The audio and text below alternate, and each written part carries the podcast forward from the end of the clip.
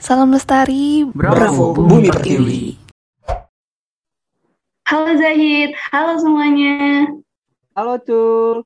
Oh iya, gimana nih kabar teman-teman pendengar? Semoga semuanya sehat ya. Oh iya, terus kabarmu gimana Cul? Aku baik-baik aja nih Hit. Kamu juga sehat-sehat aja kan? Alhamdulillah sehat kok. Oke, nah buat teman-teman selamat datang nih uh, di pendengar podcast ketiganya KPPL. Udah yang ketiga aja nih. Emang yang satu sama duanya ada Cul? Ada dong, tinggal cek aja di Spotify KPPL sini. Bahasannya seru-seru kok. Misal yang pertama ini, itu tuh tentang COVID. Nah, yang kedua, kita juga ngomongin tentang mikroplastik dan ekosistem laut. Kayaknya menarik banget tuh, Cul. Nanti aku coba dengerin deh. Oh ya, teman-teman pendengar, jangan lupa juga ya buat dengerin podcast pertama dan kedua kita. Mantap. Eh, ngomong-ngomong, Cul, ini perasaanku aja atau emang sekarang hawanya lebih panas ya? Hmm, lebih panas. Perasaan beberapa hari ini emang panasnya kayak gini-gini aja deh. Hmm, enggak. Maksudku dibanding berapa tahun lalu gitu. Kayak misalnya pas kita SMP atau waktu SD gitu. Sekarang tuh lebih gerah aja. Hmm, iya sih, menurutku emang ada sedikit perbedaan dibanding dulu.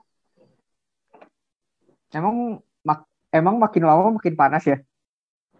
Hmm, tergantung juga sih. Kan kita tahu nih tentang global warming. Beberapa tahun belakangan ini, tren kenaikan suhu permukaan bumi emang lagi terjadi. Hmm, aku pernah baca juga tuh, uh, kalau nggak salah, targetnya tuh harus dijaga di bawah satu setengah derajat Celcius kan? Nah, iya yang itu.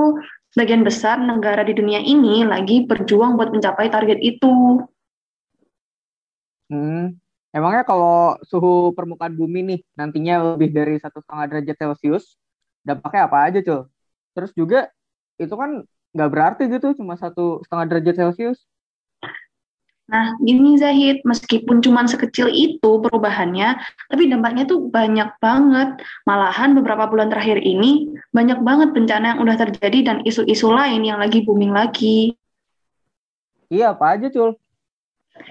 Misal nih, banjir di Jerman. Terus hujan di Greenland sekarang tuh jadi air, padahal dulu-dulunya tuh hujannya tuh selalu jadi salju. Terus juga ada lagi kebakaran hutan di Turki, Yunani, sama Italia. Terus juga ada lagi hilangnya salju abadi di puncak Jayawijaya. Lumayan banyak ya, Bun. Tapi santai lah ya kita, kan jauh dari sana. Eh, tapi kita kita di sini juga ada risiko terdampak global warming loh, kayak yang lagi rame di sosmed itu. Ah, yang lagi rame apaan? Itu loh, si level rise alias kenaikan muka air laut. Oh iya, aku sering dengar tuh soal itu. Tapi bukan isu itu udah dari dulu ya, cuy. Tapi kenapa sekarang jadi ramai lagi sih?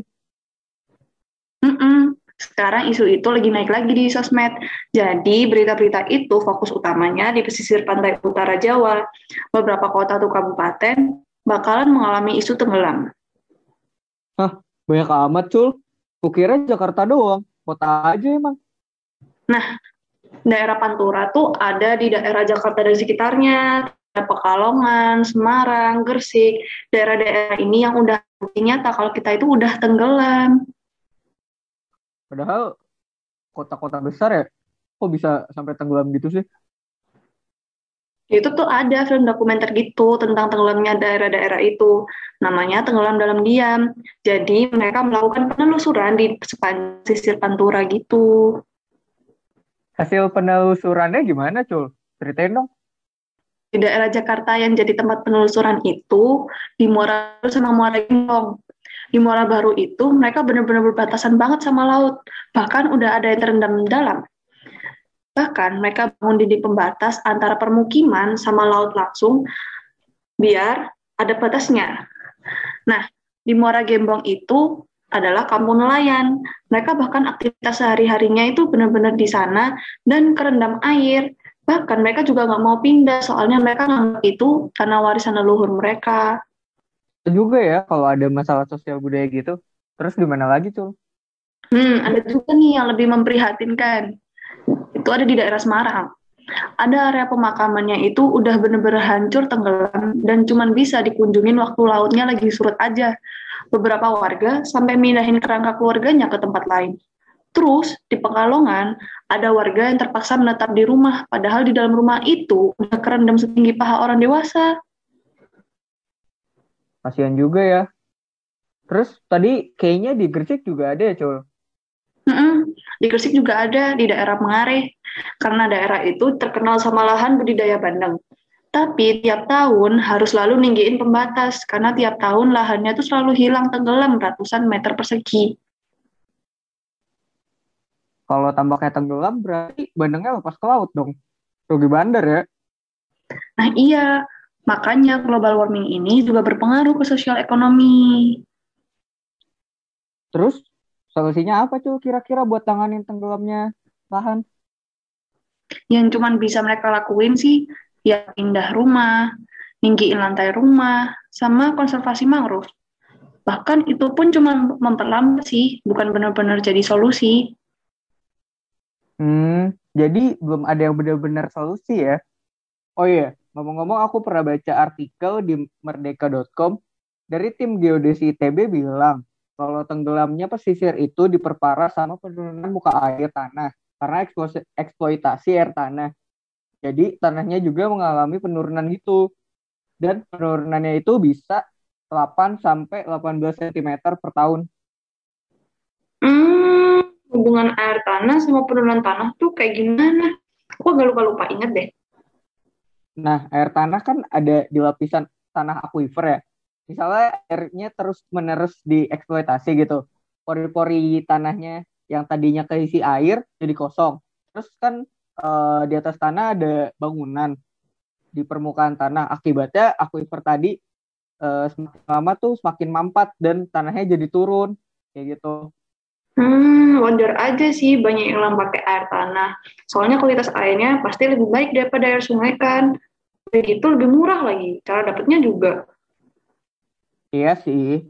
Tapi yang kita kurang banget sih dalam pelestarian air. Makanya orang-orang pada ngambil air tanah. Oh ya, terus katanya juga ada 112 kabupaten atau kota yang juga bisa tenggelam nih gara-gara eksploitasi air tanah ini itu tersebar di pantai timur Sumatera, terus juga ada di pesisir Kalimantan, terus juga Pantura Jawa, terus ada di Sulawesi sama di Papua. Aku jadi kepikiran nih, kalau muka air tanah makin turun dan muka air laut makin tinggi, bisa ada kemungkinan terjadi intrusi air laut. Bisa-bisa kita bisa kehabisan air tanah. Apalagi akses perpipaan air bersih juga belum menyeluruh ke seluruh daerah. Iya benar banget tuh Cul. Dari berita yang ku baca di kompas.com, pada tahun 2020 ini, lebih dari setengah populasi di dunia ngalamin krisis air bersih. Paling enggak tuh sebulan dalam setahun. Dan juga ada banyak negara loh yang sekarang lagi krisis air bersih. Kebanyakan sih di daerah Afrika sama Timur Tengah. Tapi yang anehnya tuh ternyata Italia sama Singapura yang notabene negara maju ternyata juga ngalamin krisis air bersih. Wah, padahal Singapura negara tetangga kita ya. Ternyata nggak menutup kemungkinan juga kalau negara-negara tropis juga bisa terkena krisis air bersih. Mm -mm. Dan kalau nggak ada tindakan lebih lanjut, kira-kira pada tahun 2050 ada 49 sampai 59 negara yang juga ngalamin krisis air bersih. Salah satunya itu Indonesia Waduh, makin ngeri aja nih permasalahan lingkungan. Uh, ngeri banget, eh. Nah, sebagai penutup nih, ngomong-ngomong, dari kamu ada solusi nggak sih buat masalah tenggelamnya daratan ini? Kalau menurutku, kita nih sebagai dalam tanda kutip pemilik bumi, kita harus turun tangan juga. Misal mulai dari stop membazir air, apalagi kalau air tanah. Memanfaatkan air sisa semaksimal mungkin buat nyiram tanaman atau hal yang lain-lainnya. Terus kalau bisa mulai juga menerapkan rainwater harvesting. Terus apalagi ya? Hmm, setuju sih sama kamu Cul.